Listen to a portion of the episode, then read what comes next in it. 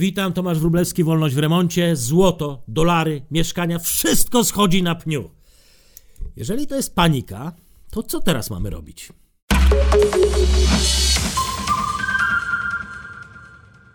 Kryzysy nie robią się same. Cykle, koniunktury mogą spowalniać, dynamizować rozwój gospodarczy. Bankierzy, spekulanci, y, motywowani odwieczną chciwością, mogą i często działają na szkodę kredytobiorców, inwestorów, a nawet własnych firm.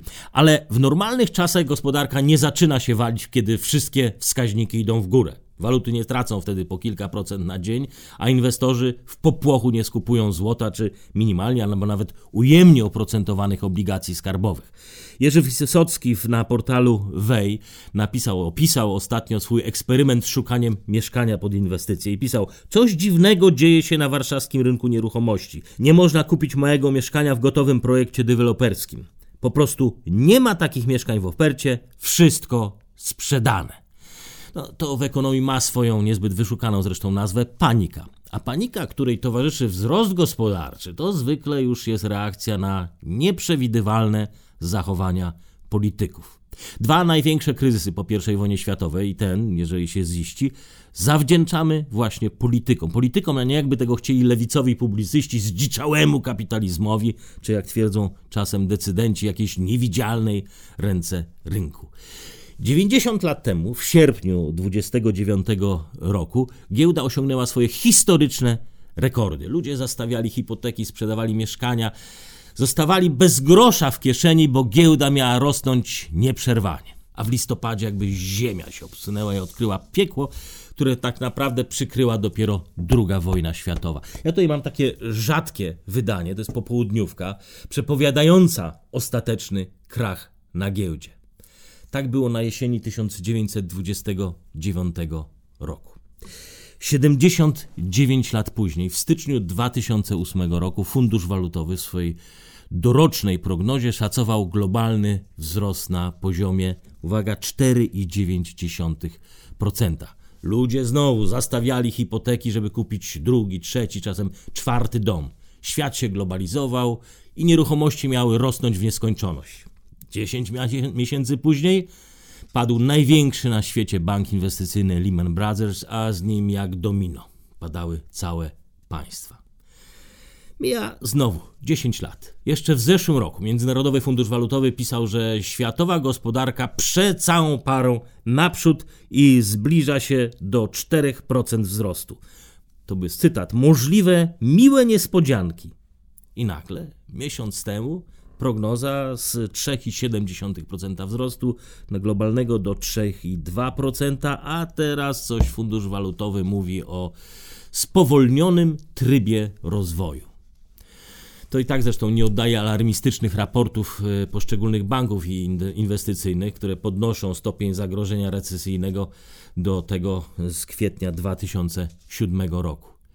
W 10 miesięcy od euforii do paniki co się takiego zdarzyło w 2019, 2008, 1929?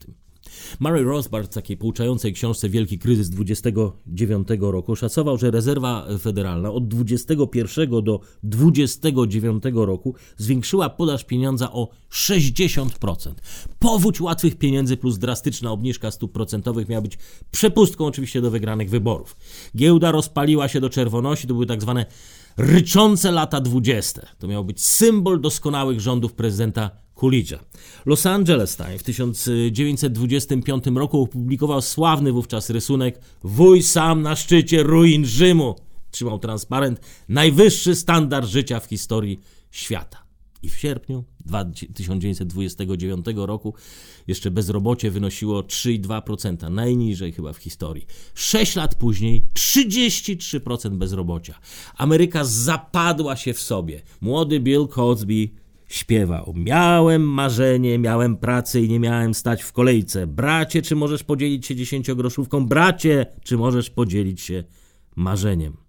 O krachu 2008 roku jest całe mnóstwo dobrych książek. Ja taką najbardziej pouczającą napisał John Allison e, w kryzysie finansowym, gdzie przeanalizował posunięcia Clintona i Busha od 1992 roku, żeby pokazać bezpośrednią korelację między nieodpowiedzialnymi decyzjami polityków a zachowaniem rynków. Najpierw zachęcanie do ryzykownych, gwarantowanych kredytów z kas państwowych, kas pożyczkowych Fannie Mae i Freddie Mac.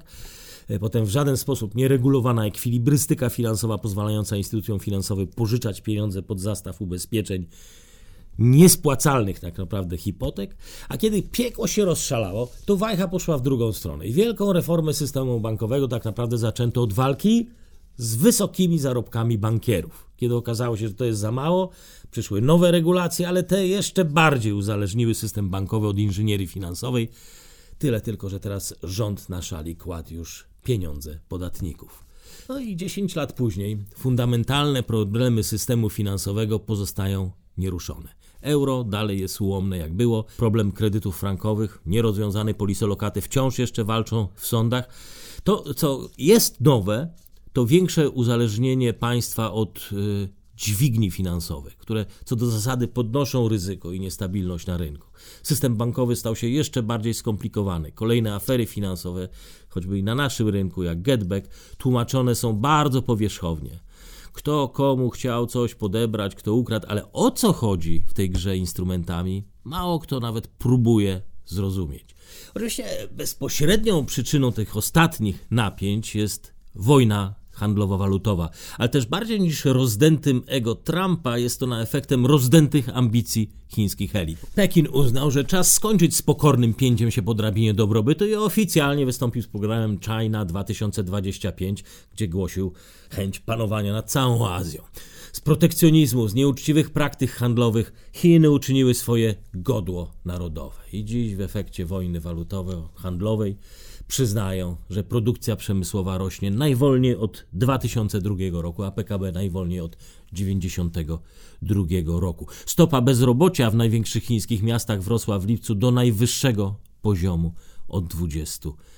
Oczywiście sprawców kryzysu jest więcej. Jest Brexit i cała ta rosyjska ruletka testosteronu pani May i pana Johnsona, która podcięła e, nogi Wielkiej Brytanii, ale też mściwy, bezrefleksyjny Juncker, Tusk i urażona w swojej dumie Komisja Europejska dorzucili do pieca ze szkodą dla całej Unii, a w szczególności dla, dla Niemiec, których produkt krajowy brutto skurczył się o do 1,1% w drugim kwartale, eksport o 8%. W tym wszystkim stosunkowo najmocniej trzyma się amerykańska gospodarka, choć według Macroeconomics Advisors y, i ta skurczy się, wzrost gospodarczy się skurczy z 3,5% teraz do 1,7%. Nie wspomniałem tutaj jeszcze o innych niepokojach, oczywiście. Hongkong czy eskalacja napięć w Rosji. W każdym razie, przy takim nagromadzeniu punktów zapalnych, ludzie rzeczywiście w popłochu szukają bezpiecznych przystani i sięgają po najstarsze wzorce, jak choćby te e, sprzed 90 lat, kiedy Bernard Baruch czy Joseph Kennedy zbili fortuny na, w czasach Wielkiej Depresji na tym, że pieniądze ulokowali na czas w obligacjach skarbowych. Inni bardziej niż stóp procentowych boją się inflacji i wszystko lokują w złoto, które w tym roku wzrosło już o 10% i obecnie osiąga najwyższy poziom od 6 lat. W rezultacie mamy taką bardzo rzadką sytuację, gdzie jednocześnie ludzie na gwałt wykupują obligacje i kupują złoto. A w ciągu ostatnich 40 lat sytuację, gdzie jednocześnie rósł popyt na złoto i popyt na obligacje, mieliśmy zaledwie dwa razy. Raz e, w 1973 roku, to był kryzys paliwowy, a teraz później w 2007, tuż przed e, wielkim krachem. Przywołuję tamte kryzysy, żeby trochę lepiej oddać stan ducha rynków i ludzi w całej tej atmosferze, ale tak naprawdę sytuacja jest nieco poważniejsza. Nadzwyczajny popyt na obligacje spowodował, że na przykład niemieckie 30-latki sprzedawane są dzisiaj już z negatywnym oprocentowaniem, czyli trzeba płacić za prawo do pożyczenia rządowi pieniędzy. W Szwajcarii ujemne stopy yy, zwrotu obejmują już nawet 50-letnie obligacje. Zadłużone, niepewne jutra, bliskie bankructwa Włochy, które teraz będą miały wybory, yy, sprzedają swoje dziesięciolatki zaledwie, uwaga, 1,5% oprocentowaniem. Polska dziesięcioletnie obligacje sprzedaje z gwarancją zwrotu 1,93, co też jest y, dla nas rekordowym wynikiem, lepszym od amerykańskich obligacji. To z pewnością cieszy rząd, że tanio możemy rolować swój dług, ale też pokazuje globalny strach i ucieczkę od realnej gospodarki. W lipcu rezerwa federalna, jak wiemy, obniżyła stopy procentowe po raz pierwszy od 10 lat. Po niej była już Brazylia, Indie, Nowa Zelandia, Peru, Filipiny, Tajlandia. E, Europejski Bank Centralny na jesieni też obniży stopę referencyjną prawdopodobnie do 0,3% i przy okazji dodrukuje nam jakieś 50 miliardów euro. Czego powinniśmy się teraz spodziewać? Politycy oczywiście uspokajają, że jeszcze nic się nie stało, ekonomiści pedagogicznie, że nie ma czegoś takiego jak wygrane wojny walutowe, co nie jest do końca prawdą. Na wojnach walutowych oczywiście wszyscy tracą, ale niektórzy wychodzą mniej stratni, a niektórzy bardziej stratni. Ci mniej stratni to są wygrani. Co do zasady, wojny wygrywają te kraje, które są w stanie trwale osłabić swoją walutę przy jednoczesnym utrzymaniu zadowalającego poziomu zatrudnienia i wzrostu produkcji. Eksperci Banku Światowego, analizując spadki wartości e, walut e, w latach 2004-2012, zauważyli, że wzrost eksportu państw, które usiłowały wesprzeć swój przemysł osłabianiem właśnie waluty, był o połowę niższy niż by to wynikało z tych dawniejszych, tradycyjnych wyliczeń. Jeżeli wygraną w wojnie walutowej definiujemy jako skuteczne osłabienie własnej waluty dla pobudzenia eksportu, bez podnoszenia inflacji, bez zagrożenia na wypłacalności państwa, to ze wszystkich sił grających dziś na spadek wartości walut, Ameryka zdaje się być najlepiej przygotowana do przetrwania takiej próby. Według e, Sataita Dasa, australijskiego bankiera, autora porywającej książki Bankiet Konsekwencji, czyli jak skonsumowaliśmy naszą przyszłość, rynki wyżej rozwinięte lepiej dają sobie radę w takiej sytuacji. Po pierwsze, pozytywnie reagują na luzowanie monetarne, po drugie, cieszą się większym zaufaniem inwestorów. Wiem, że oficjalnie Polska zaliczana jest do państw rozwiniętych, jesteśmy z tego dumni, ale rynki to wciąż traktują nas pewną tej rezerwą. E, wszyscy przekonani, że kryzys nie grozi Polsce, przypominają chętnie lata 2008-2009, kiedy Europa szorowała już brzuchem po dnie, a w polskich, czy raczej niemieckich, francuskich fabrykach samochodów na terenie Polski Tanie auta dla oszczędzającej Europy produkowaliśmy nawet na trzy zmiany i nie można było nastarczyć. Polska wyszła wygrana z tamtego starcia, nigdy nie wpadliśmy w recesję. To wszystko jest prawda. Ale to była inna wojna. Wojna z zapaścią i z brakiem pieniędzy. Według Funduszu Walutowego wtedy z rynku zniknęło 12 bilionów dolarów, 20% e, światowej produkcji gospodarczej. Pieniądze, których oczywiście nigdy nie było, były tylko zapisami monetarnymi, nie było pokrycia w wycenie rynkowej. E, ale Zachód szukał po prostu na gwałt tanich produktów, bo ludzie stracili całe swoje oszczędności. Dzisiaj te same kraje walczą o obniżenie wartości swojej waluty, żeby zyskać przewagę do euro, do dolara czy juana. Wygrywa ten, kto przeżyje i ten, kto przygotował się do tego, ma zapasy. Jednym z takich krytycznych warunków jest niska inflacja. To jest ten bufor. Wspomniany y, Satai Das przyjmuje, że maksymalnym progiem inflacji w obecnej sytuacji jest poziom 2,25% inflacji to jest między innymi obecna średnia OECD, ale nasza polska inflacja osiągnęła już poziom 3% i bardzo szybko nam rośnie. Teoretycznie NB powinien teraz podnieść stopy referencyjne, żeby zatrzymać inflację. W końcu do tego został powołany. Ale to oznaczałoby podwyżkę oprocentowania kredytów i wzmocnienie złotego, czyli obniżenie naszej konkurencyjności, coś co byłoby naprzeciw, na przekór światowej tendencji. Jeżeli jednak, jak to sugerują niektórzy członkowie Rady Polityki Pieniężnej, MBEP powinien raczej ratować produkcję i miejsca pracy, to zamiast podnosić, obniżyłby stopy, napędzając w ten sposób inflację, która i tak już jest powyżej celu inflacyjnego MBP, nie mówiąc o tej e, krzywej DASA. Jakbyśmy w każdym razie na to nie patrzyli, w każdym wariancie przegrywamy wojnę walutową, zanim się zaczęła. Jak mogło do tego dojść? Wszystko szło tak dobrze. Wzrost gospodarczy, eksport. No to jeszcze dwa słowa o inflacji. Istotne jest nie tylko tempo wzrostu, ale też struktura inflacji. Kraje z relatywnie niskim współczynnikiem dóbr niezbędnych w koszyku, czyli żywność, energia, te kraje lepiej dają sobie radę z kryzysem. Łatwiej im zaciskać pasa. Łatwiej jest zrezygnować z wakacji czy zakupu nowego komputera niż ze spłaty rachunków za prąd, gaz albo zrezygnować z obiadu dla dzieci.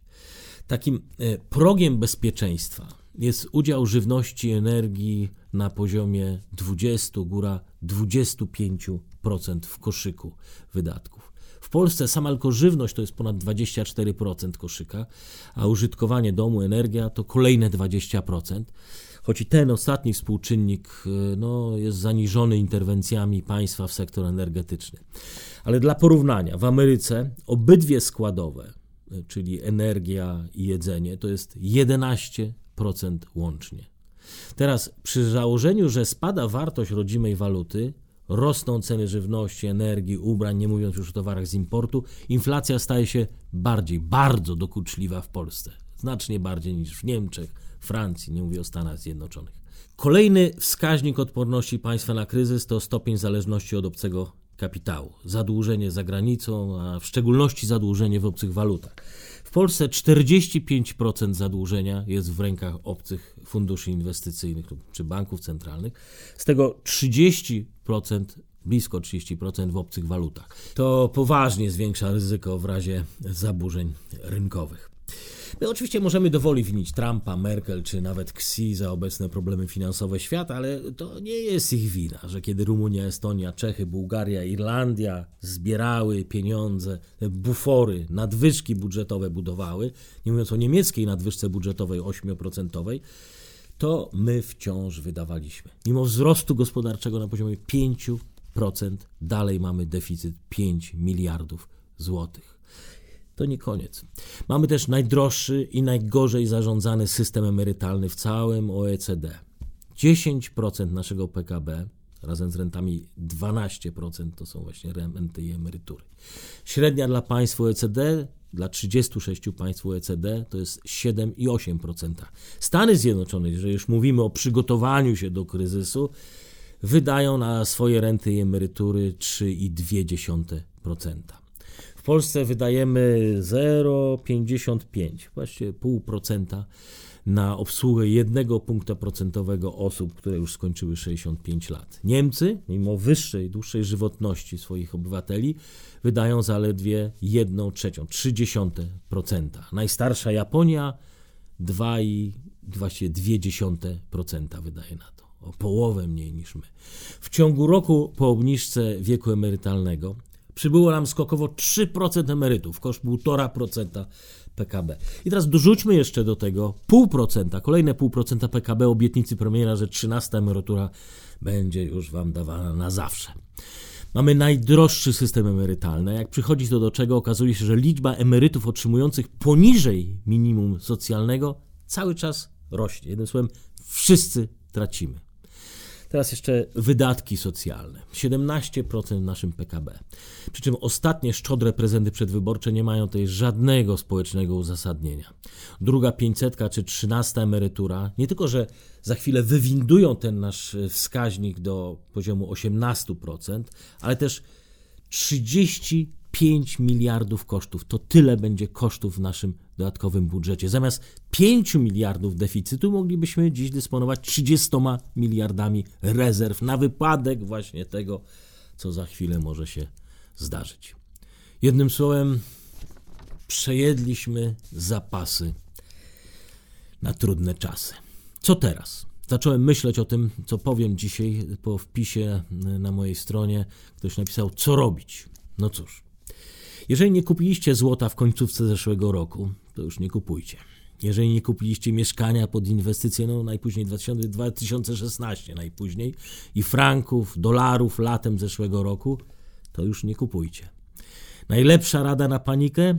Nie panikować, bo na to tylko czekają ci, którzy wcześniej przejrzeli bezmyślność, niefrasobliwość polityków. A ja zapraszam na kolejny odcinek Wolności w Remoncie na kanale YouTube Warsaw Enterprise Institute, a wersja audio w Spotify i w podcastach iTunes.